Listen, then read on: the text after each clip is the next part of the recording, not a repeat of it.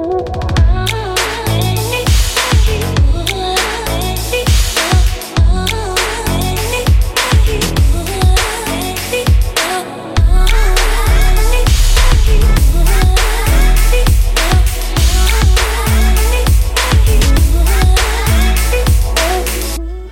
Influencern Abbe Al-Sadi mördade sin ex-flickvän genom att droga henne och lägga henne i ett badkar enligt domen från Solna tingsrätt. I kvinnans lägenhet och under mordnatten så var även hennes lilla barn hemma.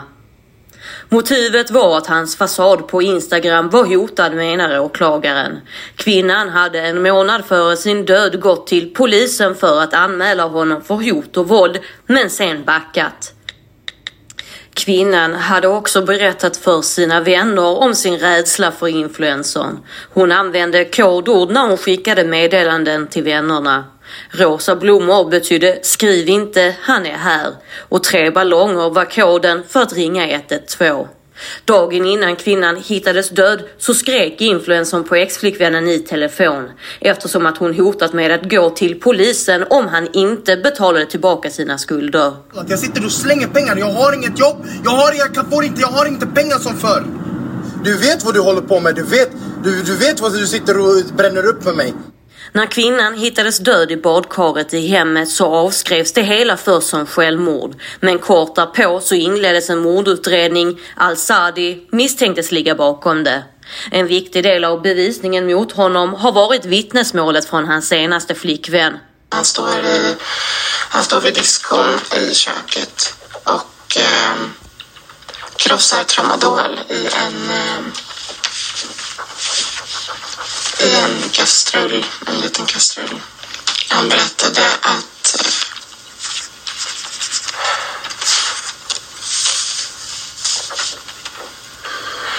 han berättade att hon inte hade gjort något motstånd. Obduktionen av exflickvännen visade att hon injicerats med tramadol i halsen och att hon före döden fått en dos som motsvarade 20 till 30 tabletter enligt åklagarens slutplädering. Abbe Al-Sadi fick 18 års fängelse för mordet på sin exflickvän. Solna tingsrätt fäller honom på 14 och 16 åtalspunkter. Och bland brotten mannen fälls för finner vi grovt vapenbrott, grov kvinnofridskränkning och mord. Han, precis som jag, är väldigt besviken när det gäller framförallt bevisvärderingen åtalet för mord respektive vapenbrott. Så i de delarna har jag fått order av min klient att överklaga vilket kommer att ske relativt omgående. Var han chockad på något sätt? Chockad blir man givetvis om man får 18 års fängelse. När jag säger besviken så innebär det att det ligger också i begreppet där att han var chockad och nedstämd.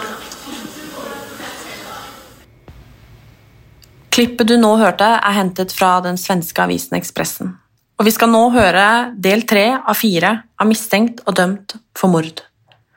För är det möjligt att sätta sig in i hur en våldsutövare tänker? Och vad gör att någon väljer att vara en våldsutövare? Hur kan det gå så långt att någon mister livet?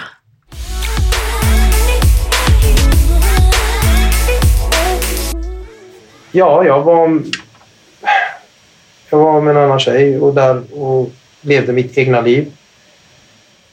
Eh, kommer en dag så att jag tatuerar mig. Eh, jag mådde inte så bra själv. Jag hade tagit för många tramadol. Och nu var jag på en ny tatueringsstudio. De förra är vana med tramadol och lite har erfarenhet av det. Mm. Jag trycker i mig tramadol och eh, jag eh, får ett eh, epilepsianfall och ramlar ifrån stolen. Och jag minns bara att jag vaknade och hade ambulansen ovanför mig och bara hur mår du och sådär. De ville köra in mig och jag bara nej, nej, jag, jag mår bra. Men jag, jag var inte kapabel att köra därifrån.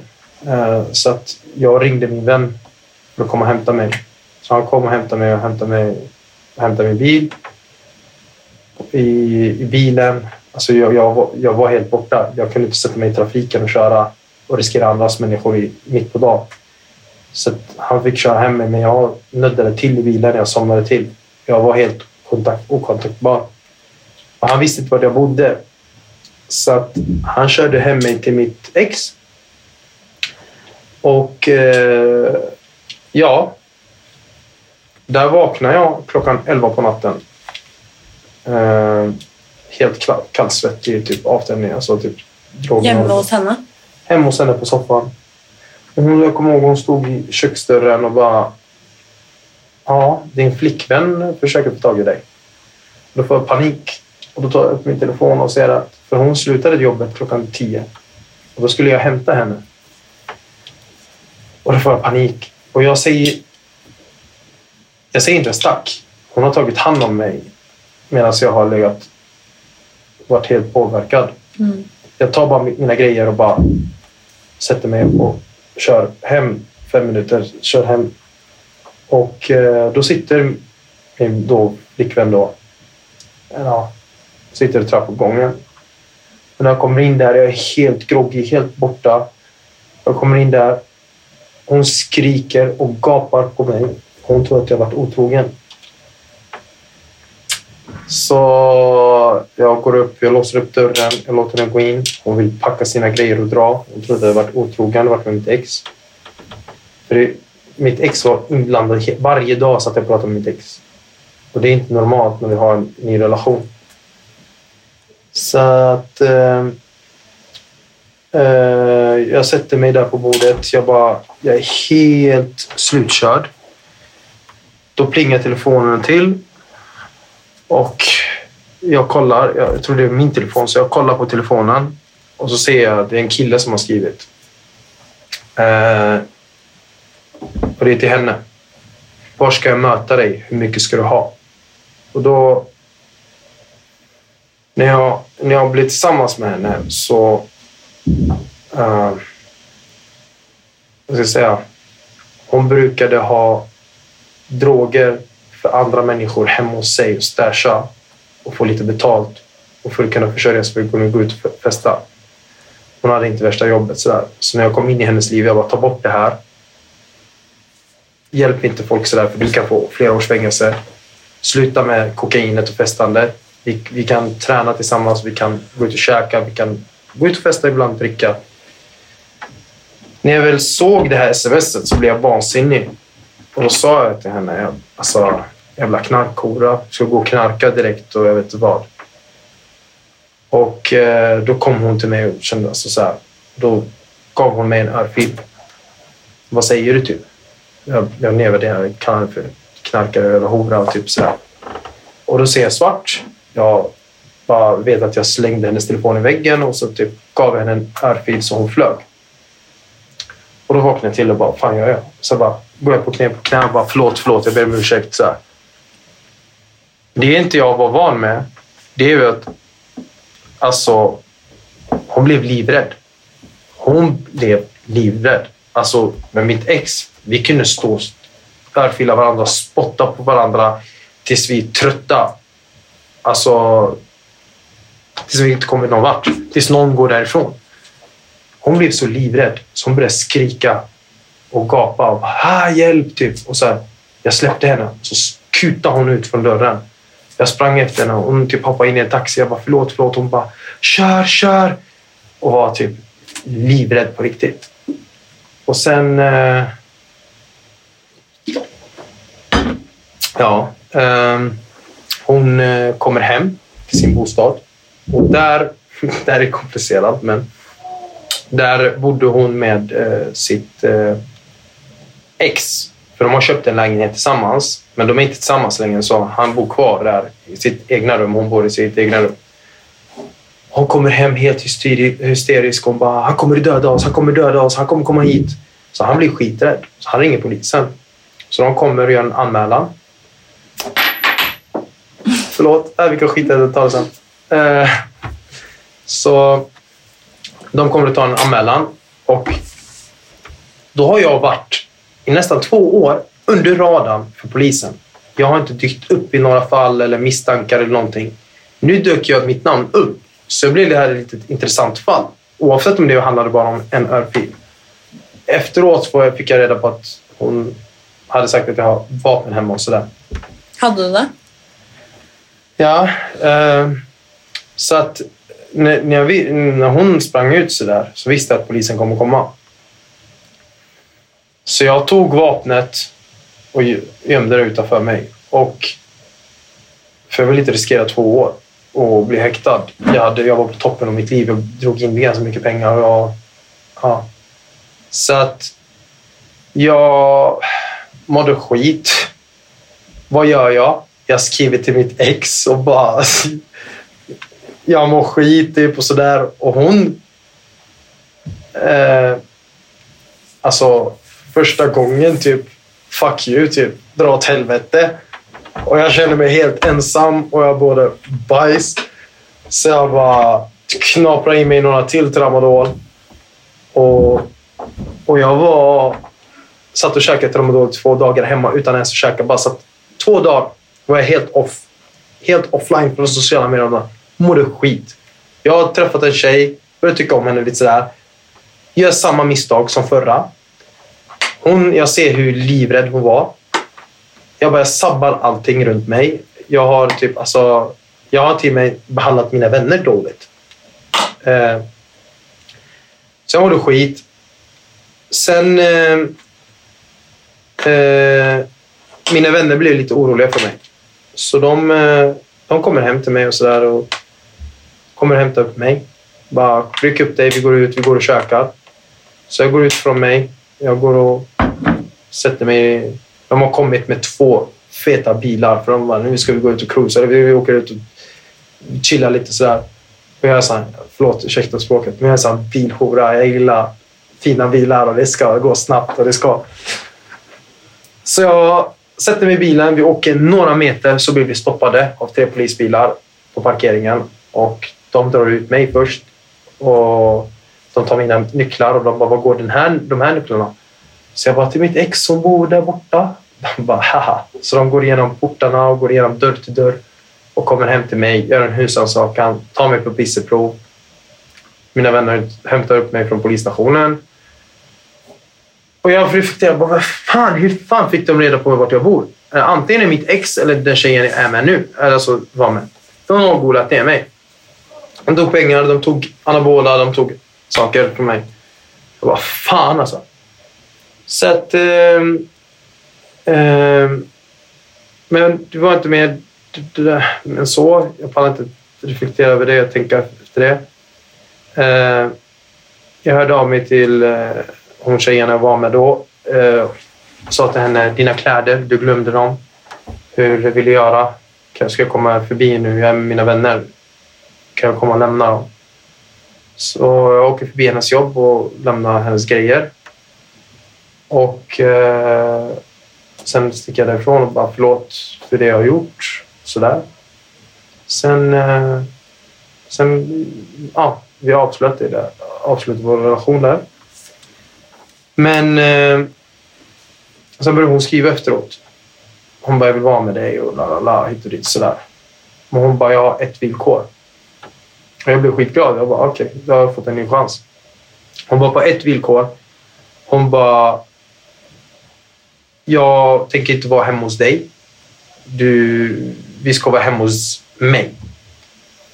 Eh, för om det här händer en gång till så är det du som får lämna och inte jag. Jag bara, okej, jag accepterar det. Tog mitt pick och pack och jag flyttade hem till henne. Eh, och eh, ja, vi var med varandra där. Eh, det var lugnt. Sådär. Nu efteråt fick jag reda på att polisen var ganska på henne och ringde hela tiden och ville att hon skulle medverka i det här fallet, alltså misshandeln. Men hon eh, hade sagt till dem hon vill inte medverka, det har löst sig, la la la, hit och dit. Sen... Eh, eh vad är det? Det går typ en månad eller någonting. Det går ett tag. Eh, mitt ex på något sätt, hon får reda på att jag har flyttat ihop med mitt ex. Och då vet hon att det mellan oss är kört. För det är typ så, så jag gjorde med henne. Jag flyttade hem till henne. Eh, så att jag bröt relationen helt och hållet där. Eh, så att det enda hon satt och ringde mig över det är typ att betala, du ska betala räkning höger och vänster hit och dit. Och satt och tjafsade om det. Hon satt och, och hotade mig höger och vänster. Hon bara, ah, du ska betala räkningen hit och dit. Eh, och eh, ja, jag var bara tvungen att lida och göra som hon sa. Eh, sen kommer den dagen som... Ja. Allt förändrades typ. Ja, vad ska jag säga? Jag... Ja, vad ska jag säga? Jag var hemma. Tog, alltså jag var, tränade. Sen var ute och fikade med då, den här tjejen. Sen eh, jag gick och... Alltså vi, satt hem, alltså vi åkte hem. Och då mitt ex ringer mig och bara du, jag har en räkning på 2 5. Du ska betala den. Jag bara, men jag har bara kontant, kontanter. Du vet själv, jag har bara kontanter. Och så sitter jag och drar upp några snygga historier till mitt ex och bara ja, men jag, jobbet jag håller på med, det går inte bra längre. Jag har inte så mycket pengar. Jag vet inte varför. Jag vill inte sitta och betala hur mycket som helst. Hon ska pressa ut mig på hur mycket som helst pengar. Så att... Eh, eh, så jag bara, men... Eh, och dagen efter... Där, det här var en torsdag, den natten som... Eh, den dagen jag gick bort. Dagen efter så skulle jag åka till Norrköping och gadda mig. Eh, jag, hade, jag skulle inte gadda mig. Tjejen skulle gadda sig. Jag fixat typ en tid till henne och betalat en tatuering till henne. Och då skulle jag vara borta över hela helgen. Ehm, så att jag sa till henne, men jag kommer förbi sen och lämnar pengar. Uh, sen uh, jag blev lite rastlös. Så, här, så jag bara... Så tjej kom, hon satt hemma och drack eh, kava. Typ, så, här, så jag bara kom ska vi gå till kasinot. Så vi åker till kasinot. Jag, jag går in och spelar. Eller, ja, lägger in typ 3 000 spänn och jag går plus 14 000. Det går bra för mig. Jag slutar spela. Hon blir lite för full, slösar lite, bränner lite för mycket pengar. Sen eh, hon blir utkastad därifrån från kasinot. Eh, börjar bråka med människor. Så att... Eh, ja. Så att vi gick därifrån. Eh, vi satte oss i bilen. Och det var bara... Alltså... Jag skulle ta motorvägen. Hon bodde i Östberga. Så jag skulle ta motorvägen till Östberga. Alla som bor i Stockholm vet hur motorvägen ser ut från kasinot. Jag skulle ta motorvägen från Östberga, men det, den var avstängd. De håller på att bygga om. Så jag hamnade automatiskt mot Solna. Och då tänkte jag, fan, jag är på väg till Solna. Nu kan jag väl åka förbi och lämna pengar också. Det var så här sent på natten, så här, typ ett på natten. Mitt ex sov aldrig ändå. Hon var uppe på nätterna, hon gick till jobbet. Hon, mådde, hon, kunde, hon, hon kunde inte sova när jag, inte var, jag var där. Hon hade för svårt att sova. Eh, så att jag... Eh, säger, jag säger ingenting till min, den tjejen jag är med.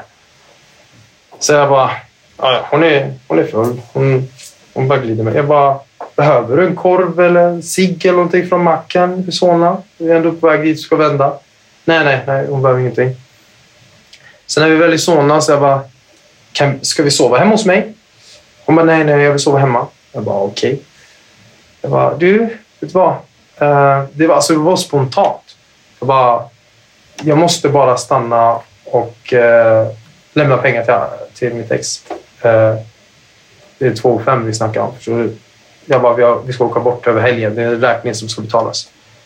Han bara, ah, okej, okay, ja. Ah. Så jag kommer, jag kommer in i området. Och då, jag ställer bilen lite längre bort. För att jag vet att hon brukar sitta i vardagsrummet eller i balkongen och röka. Och då vill jag inte att hon ska se mig komma med henne. De kommer bli vansinniga. Typ så, här så jag går upp. Jag, eh, jag smsar från min egen telefon. Och liksom jag, jag är kriminell. Jag, alltså, inte, kriminell. jag har hållit på med saker, drogaffärer och så. Jag har alltid i bilen en bränd telefon. En liten bränd telefon med ett simkort. Eh, det jag försöker komma fram till är att när jag kom dit så smsade jag henne från mitt nummer. Jag skickade, är du vaken? Kastar ner nyckeln. Smset blir grönt. Hon har iPhone. Då, blir det att hon, då, då är det så att hon har stängt av telefonen. Då tänker jag bara att antingen sitter hon och, ligger hon och sover och stängt av telefonen eller så har hon sett mig komma och vill bara typ vara dryg. Så jag försöker ringa henne eh, där utanför för porten är stängd. Det finns underlag på att den här porten har varit sönderslagen sju gånger. Jag har slagit sönder rutan och gått in och bankat tills hon har öppnat. Du har gjort det? Ja. Mm. Så att det har polisen tagit fram. Porten var helt eh, inte trasig. Eh, De har pratat med alla vittnen som bor i huset. Ingen har gått ut vid den tiden. Så jag står där utanför, hon svarar inte. Jag går tillbaka till bilen. Då har tjejen tagit sig och satt sig i bilen och åkt iväg.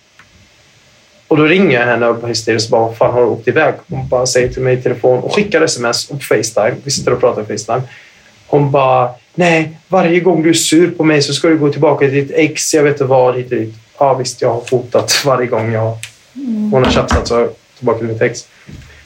Men, eh, ja så att eh, jag bara, snälla vänd. Jag står här själv. Jag bara, mina, alltså jag bara, jag ska inte till henne, jag skulle bara lämna pengar. Hon är full och har fått en annan bild i sitt huvud. Så hon bara, okej, jag vänder.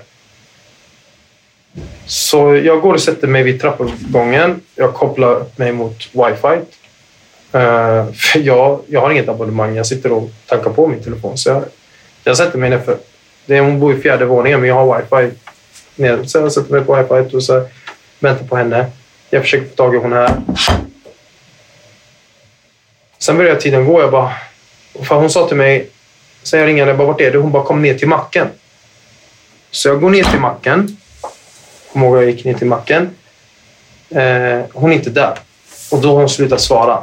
Och då blir jag skitorolig över att hon har krockat eller det, polisen har stoppat henne. Så jag, jag tar och börjar knalla mig mot min lägenhet. Jag går hem. Jag öppnar min portkod. Jag går in. Jag ska låsa upp min dörr. Då har jag glömt mina hemmanycklar i hennes bil. Så jag bara, fan också. Så jag ställer mig utanför. Klockan var tre på natten. Så jag ställer mig utanför. Jag försöker stanna, stanna taxibilar. Flera taxibilar. Alltså en stod på parkeringen. Jag pratade med honom. Jag bara, kan du köra mig till Östberga? Han bara, nej, jag väntar på en kund till Arlanda. Till slut jag får, stanna, får stoppa en taxi. Jag tar mig, sätter mig i taxin. Jag åker hem. Jag betalar kontant. Eh, jag kommer hem. Eh, för den här taxin som polisen kunde aldrig spåra, för jag betalade. Så jag kommer hem. Jag knackar, ingen öppnar. Bor Hem till henne? Ja, Alltså hon, din ja, flickvän? ja, hon bodde i första våningen. Så jag knackar på rutan, jag kollar i rutorna. Hon är inte hemma. Klockan är tre på natten. Jag bara är så orolig att hon har krockat eller vad fan. Men jag har ingenstans att ta vägen nu. Du vet, mina nycklar ligger i hennes lägenhet. Hon andra svarar inte. Hon är helt borta. Så att jag tog bara en sten och krossade rutan och hoppade in genom balkongen. Eh, sen la jag kartong för fönstret, gick in. Jag eh, la mig. Sen typ 11 på... Då, typ 10 på dagen så kom hon hem. Och då har hon nyktrat till sig. Så kommer och jag bara... Var det vart? Jag har varit orolig över dig. Hon bara, nej men jag gick och sov hos en kompis. Jag bara, okej. Jag bara, vem? Ja, min hundvakt.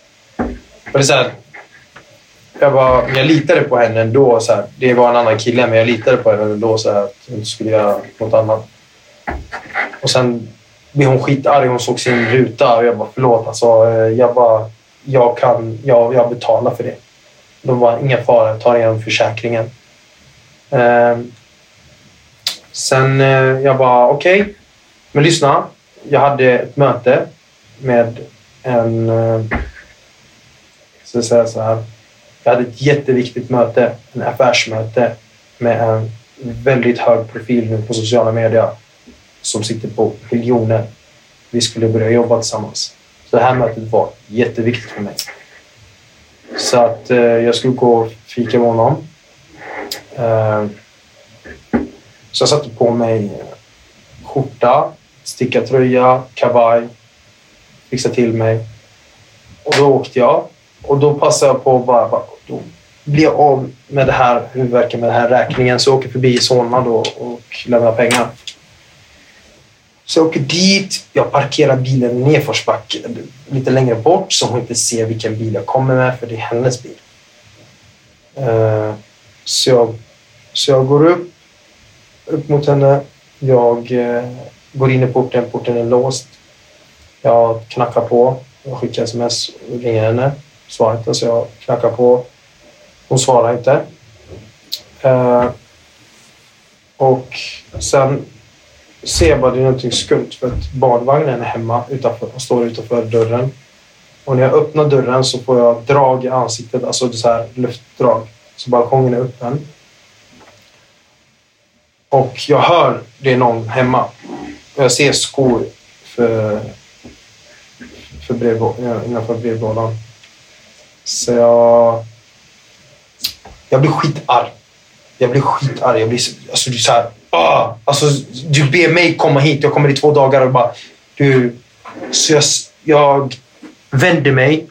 Och det är det här, den här, vet, det svartnar till för mig. Så jag vänder mig och så jag bara börjar slå mot dörren. Alltså, du vet, alltså sparka mot dörren. Det finns i utredningen att det är skoavtryck. De har tagit bild på det och sådär. Så jag sparkar skitarg. Jag bara öppna din jävla hora. Jag vet inte vad. Det, och. Eh, så hör jag barnet börja skrika. Och då öppnar jag brevlådan och bara ah, hjärtat, hjärtat, förlåt, förlåt, det är jag bara, det är jag. Så kom hon till brevlådan så började jag prata med henne. Jag bara eh, vad är mamma? Hon bara mamma sover. Så blev jag skitarg. Vad fan är det här då? Vad har hon gjort nu? Typ. Så jag bara öppna dörren då.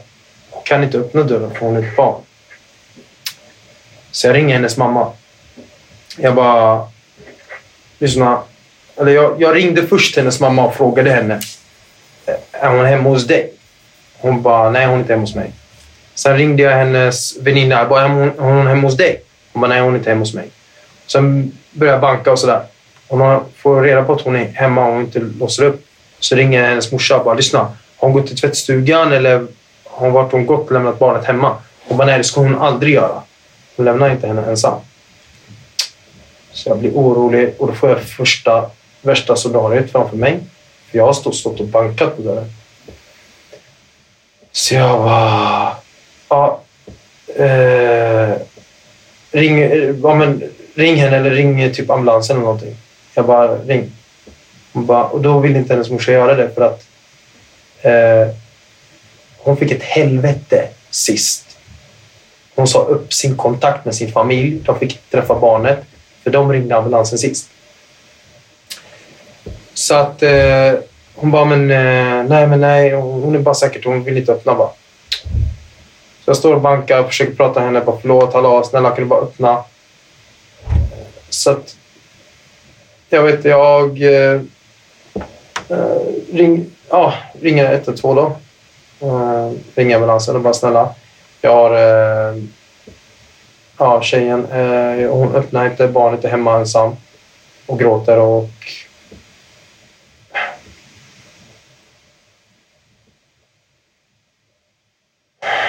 Eh,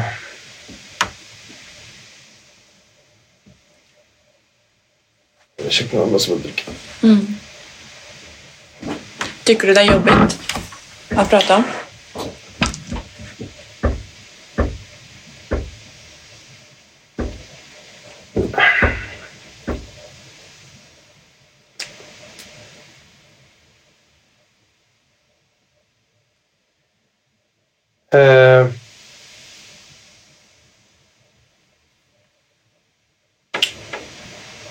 Det, har- det har ändå gått tre, fyra år nu och jag tror att jag jag, har inte, jag sitter inte och pratar om det här med mina vänner. Allt finns underlag i polisförhöret. Jag har varit ärlig på detta.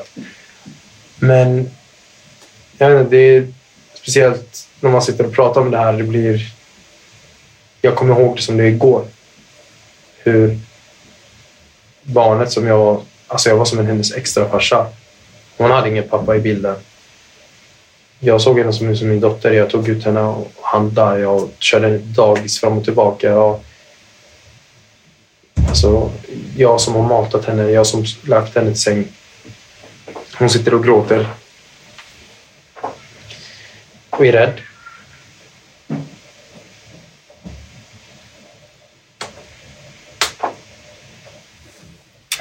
Uh,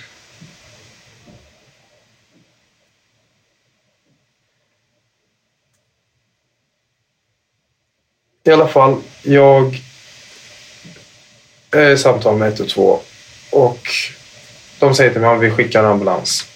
Det är inte jag visste att de skulle skicka polis. Så att eh, polisen kommer, piketen, då insatsstyrkan då. De bara flyttar på dig. Alltså de visste exakt vad som för, föregick. Jag har inte sagt någonting i telefon. Eh, för att hon har underlag det senaste, det här 2018, de senaste tre, fyra månaderna så har hon varit inlagd två gånger för överdos. Eh, ena gången det jag berättade om, början av januari, då var jag i... Nej. Det var, nej. Det var ja, slutet av januari. Då, 15 januari var jag då.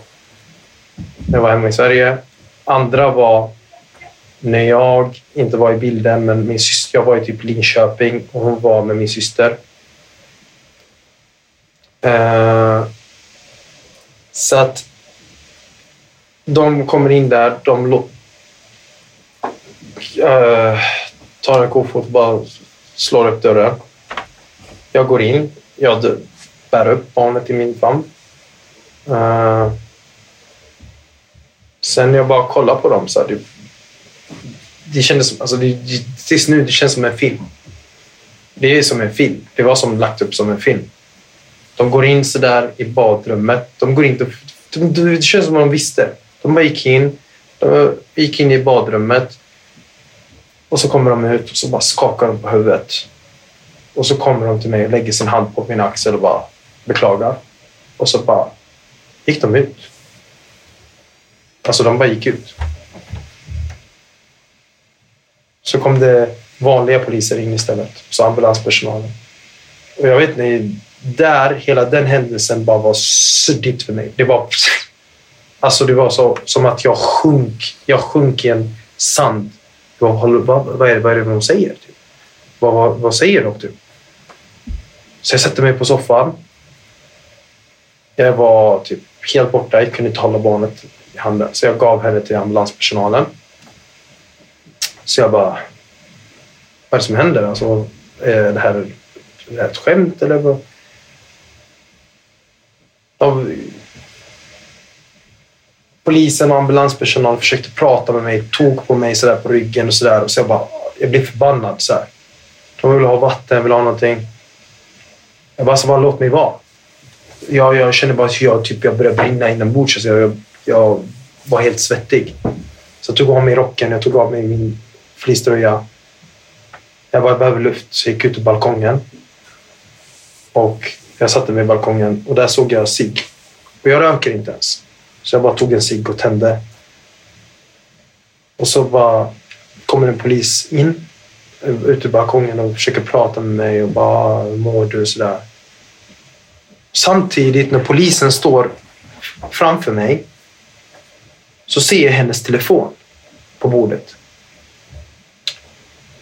Och jag vet inte hur jag tänkte då, men jag vet att bara självinsikten, alltså försvarsinsikten kom in direkt. Tänkte jag polis, telefonen, det här kommer spåras till mig. Det är mina tabletter.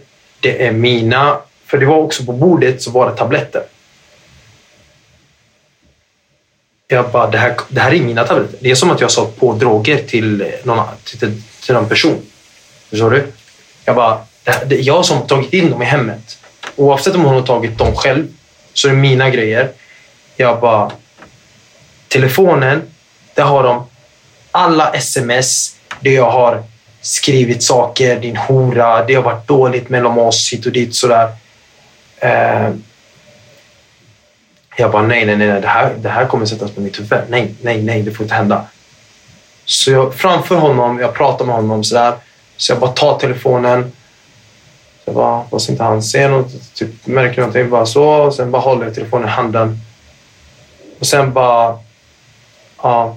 Eh, sen typ, tabletterna gick inte att ta. För tabletterna var röda. Typ, det, alltså, det skriker om det är knark. Så jag pratar med honom och bara lägger min hand sådär och försöker ta dem. Och han bara, vad är det? Jag bara, Eh, det är typ ångestdämpande typ medicin alltså. Är, jag mår skitdåligt alltså. Så här. Han bara, ah, jag får kolla på de här. Så tog han dem. Så gick han in till sin kollega. Då visste de direkt vad det var. Så jag fick panik. Jag bara, nu måste jag dra härifrån. Det, det, det, det här, det här, jag fick värsta paniken. Så jag gick ut. Så jag ska gå ut och då står hennes mamma i dörren. Och jag bara, fan. Så jag typ gick fram och jag bara, typ.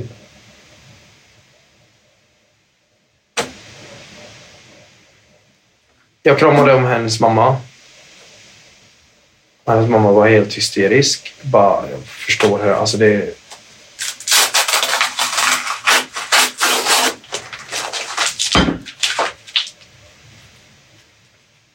satte mig med hennes mamma i sovrummet och så bara... Ambulanspersonalen var där också. Så bara... Kom ihåg det hon sa. Hon bara, vem ska ta hand om barnet hit och dit? Och, och ja, det är... Den som har blivit drabbad mest av det här, det är barnet. Hon har ingen pappa i bilden. Han har lämnat och dragit till Turkiet. Hennes mamma lever inte än. Alltså lever inte kvar.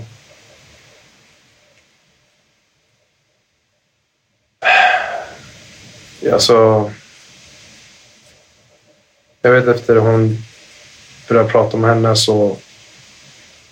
Jag kunde inte stå ut med det. Så jag gick därifrån.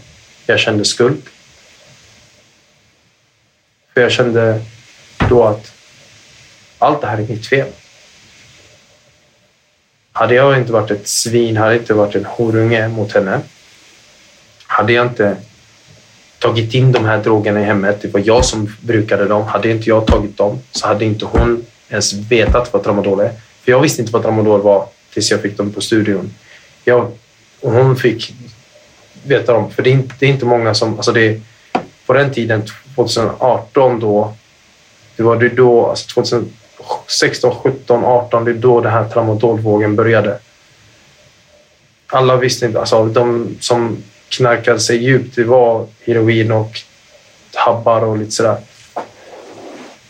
Vi andra, vi fest, som tog festdroger, kokain och, eller tjack eller fan, ja. Mm. Så att jag kände så att det här är mitt fel. Det här är hade, hade inte jag tagit in de här hade hon aldrig vetat vad det är. Hade inte jag varit en horunge mot henne så hade det här aldrig hänt. Hade jag varit där för henne så som hon har varit för mig när jag har mått skit, när jag har mått dåligt, har hon varit där för mig så hade aldrig det här hänt. Jag, jag bara jag, över, jag övergav henne för jag var feg. Jag, kunde inte, jag tålde inte... Jag orkade inte med det längre. Jag, klar, jag orkade inte med problemen. Jag, jag var feg och jag, jag tog... Alltså sprang därifrån. Jag gick och var med en annan tjej för att jag hade svårt för att vara ensam. Så att jag tänkte direkt det var, jag, hade inte, jag har inga äkta känslor för den här tjejen. Jag har känslor för, hon, för henne. Och jag lämnade henne bara för att jag inte pallade med bråk och problem och kostnader. Så jag lämnade henne.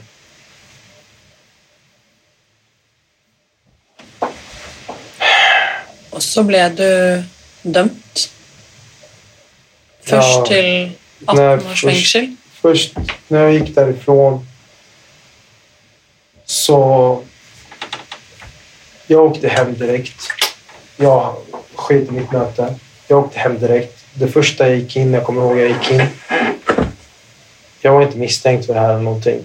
Så jag gick in så...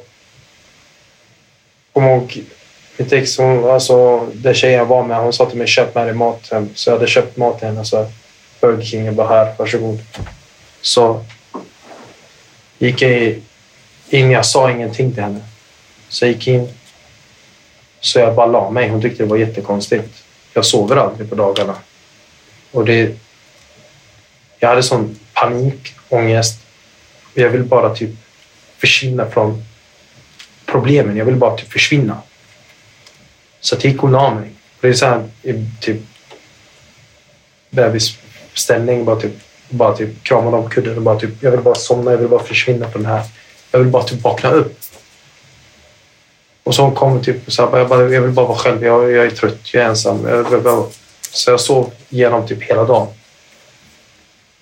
Sen dagen efter var det, det här var torsdag, dagen efter var det på fredag.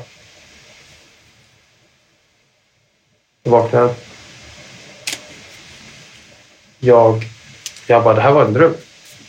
Jag kollar på, på nattduksbordet och då ser jag hennes telefon. Jag bara, nej.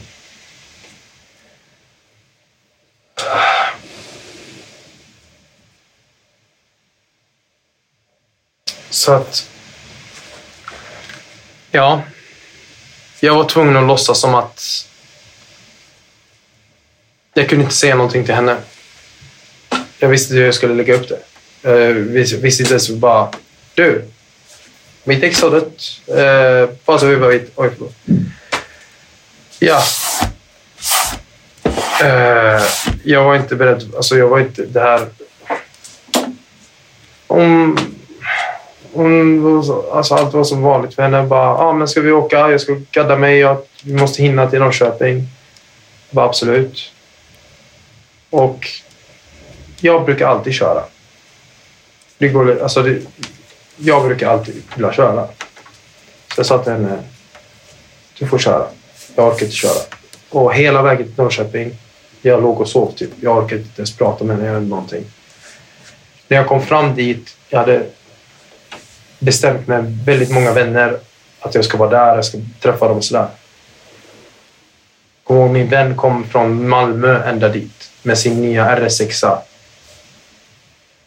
Och jag sitter i bilen. Det är en tatueringsmässa de tatuerar sig på. Jag sitter i bilen typ. och de kommer till mig vad fan är det med dig? Typ. Han kommer med sin tjej och bara skulle träffa mig och min tjej. Och typ, vad är det med dig? Typ. Jag bara, nej jag mår inte bra. Jag vill vara för mig själv. Typ. Han bara, han såg att jag mådde dåligt. Så han bara, här, ta, ta min bil och åk runt lite. Jag bara, nej jag, jag, jag har inte lust. Jag, jag, jag pallar inte. Sen... Eh, sen eh, på vägen hem. Vi skulle egentligen sova på hotell. Eh, på vägen hem. Hon var klar. Hon var trött. Hon har tatuerat sig i åtta timmar. Hon bara, nej jag orkar inte köra. Du får köra. Så på vägen hem så jag var tvungen att berätta det här, det här för henne.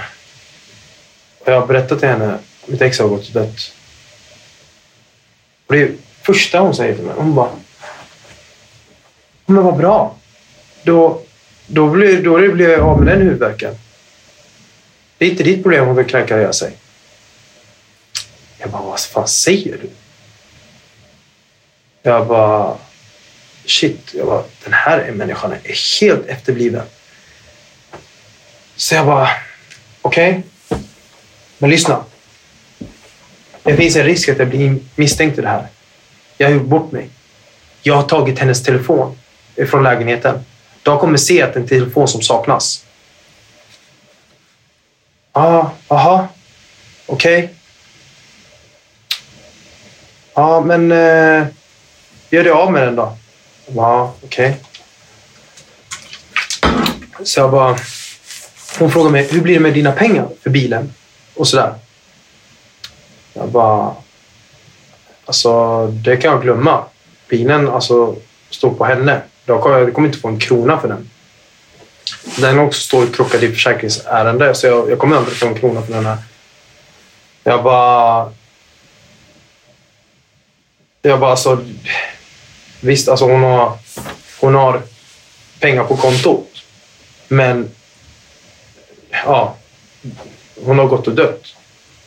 Så säger jag till mig, va? Hur mycket har hon? Jag bara, alltså hon har 50 000 som hon skulle på semester med. Eh, hon bara, men varför ville hon ha pengar för räkningar? Ja, för det är jag som ska betala för bina. Hon bara, okej, okay, men eh, kan inte du, du har hennes telefon, kan du inte bara få över de här pengarna? Typ. Tills, för jag, jag, håller, jag håller på med... Jag använder målvakter för att, för att slösa pengar. För att slippa skatta dem och sådär. Så man kan inte du föra över pengarna bara?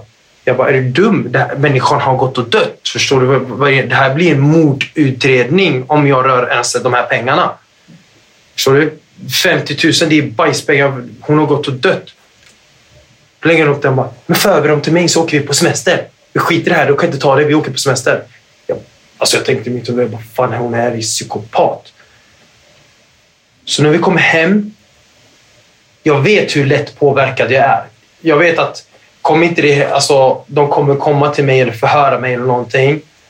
Och, och det här är gratis pengar typ. Så kommer hon så här, på något sätt övertala mig. Bara, för över pengarna eller att jag rör dem. Så det, det, det kan inte göra så här. Hon har gått och dött. Så jag, jag tar telefonen och slänger den i soporna. Du vet när man parkerar bilen så jag går soptunnan och slänger den. Mm. Uh,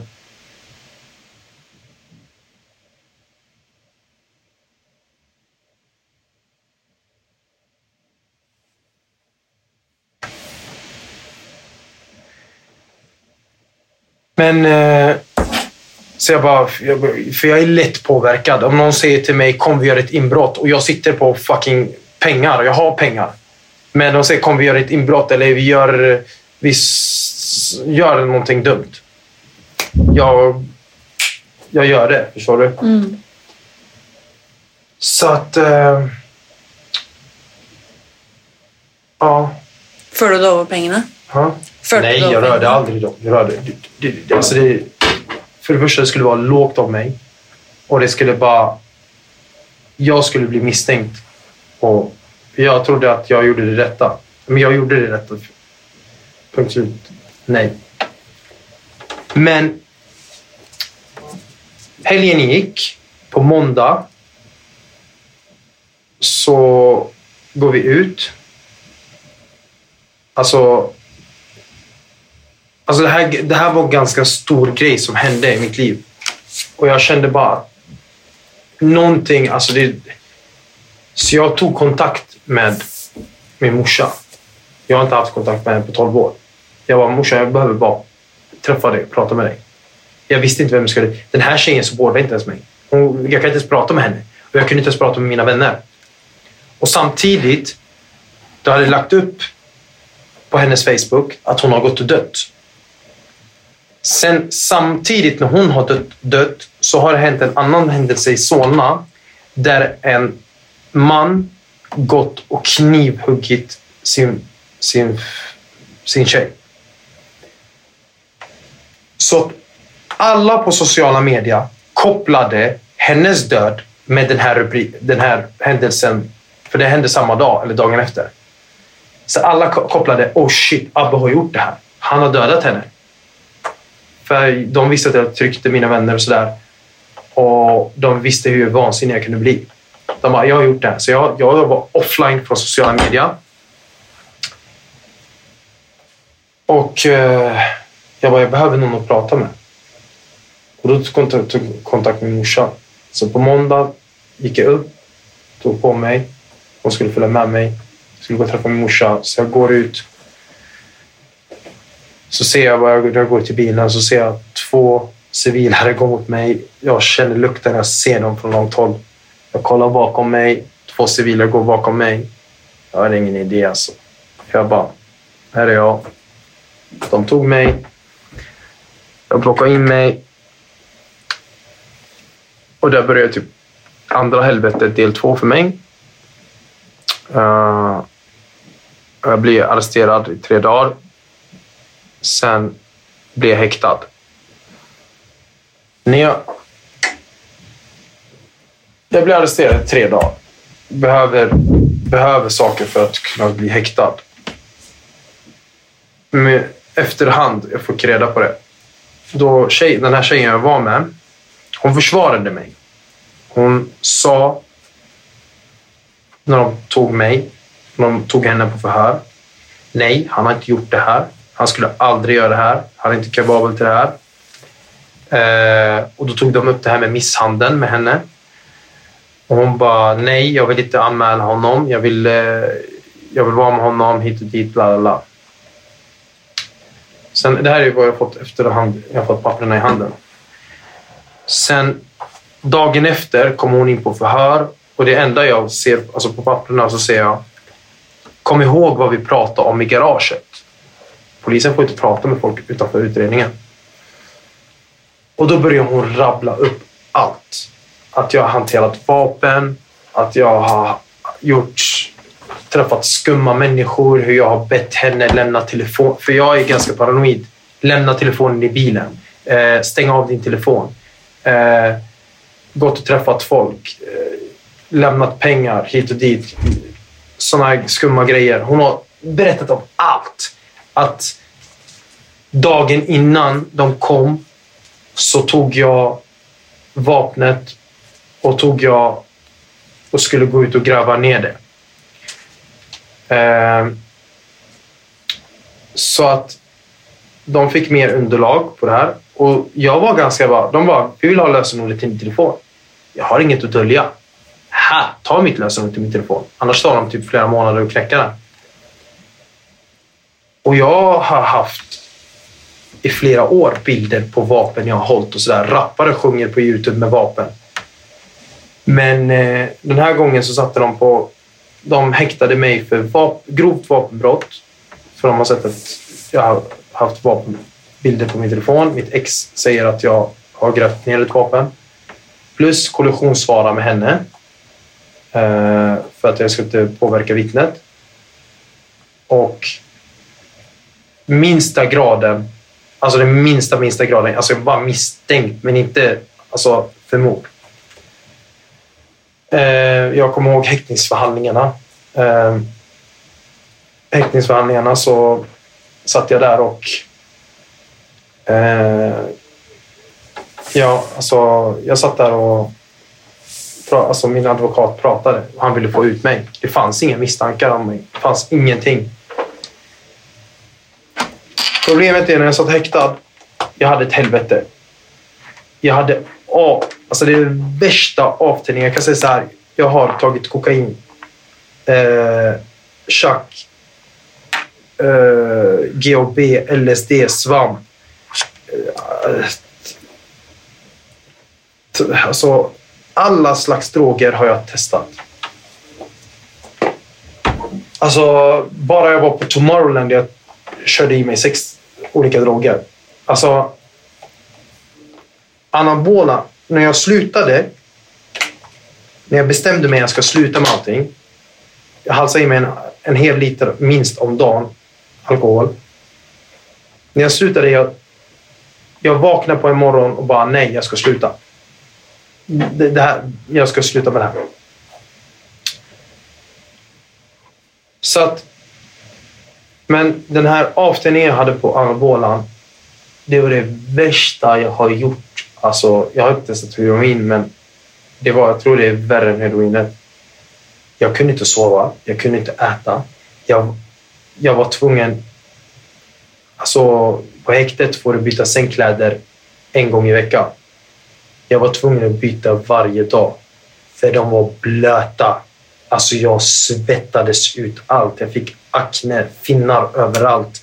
Jag tryckte så mycket stora mängder. Jag mådde så psykiskt dåligt. Jag, jag kunde bara stå så där, få ett utbrott. Och jag var så stark. Det här var plexiglas, häktet. Jag bara slår en box, bara två, tre boxar bara spräcker rutan. Och så står jag där och hackar upp Larmet går, hackar upp bort plasten och tar glas i handen. Och så kommer de in vakterna och så försöker jag typ, ja, gå på dem. De brottar ner mig, slänger mig på Isol. Jag fick byta häkte sex gånger. Sollentuna, Kronoberg, Huddinge, Uppsala. Sollentuna tillbaka, sen Kronoberg igen. Du hører nå Stina Dale fra Expressen. Abbe Blattelito Alsadi blev känd som en träningsprofil på sociala medier. Tingsrätten dömde honom till 18 års fängelse för mordet på sin exflickvän och för att ha begått flera andra brott mot kvinnor. Men han nekar och överklagade domen. Inför den nya rättegången i hovrätten har Blattelito gjort en förändring med sin försvarsadvokat Hanna Lindblom som innefattar 59 nya punkter som de hoppas på ska leda till en friande dom.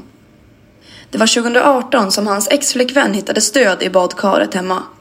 Polisen insåg snabbt att ett brott kunde ligga bakom och inledde en mordutredning.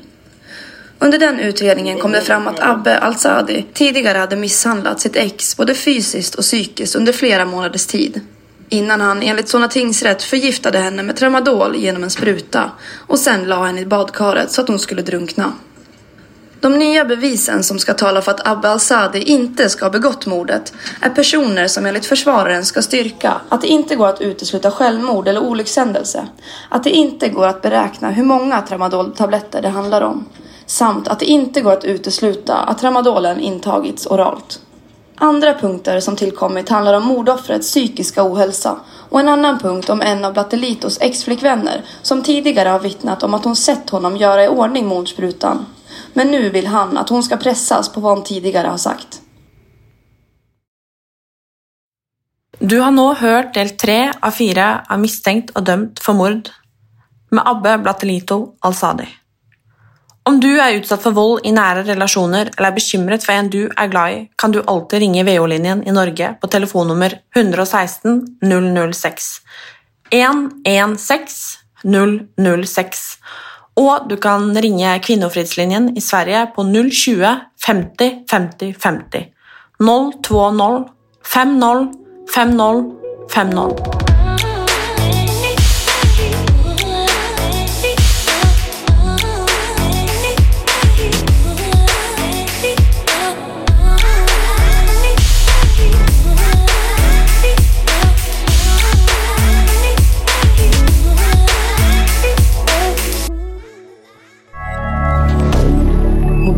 rien.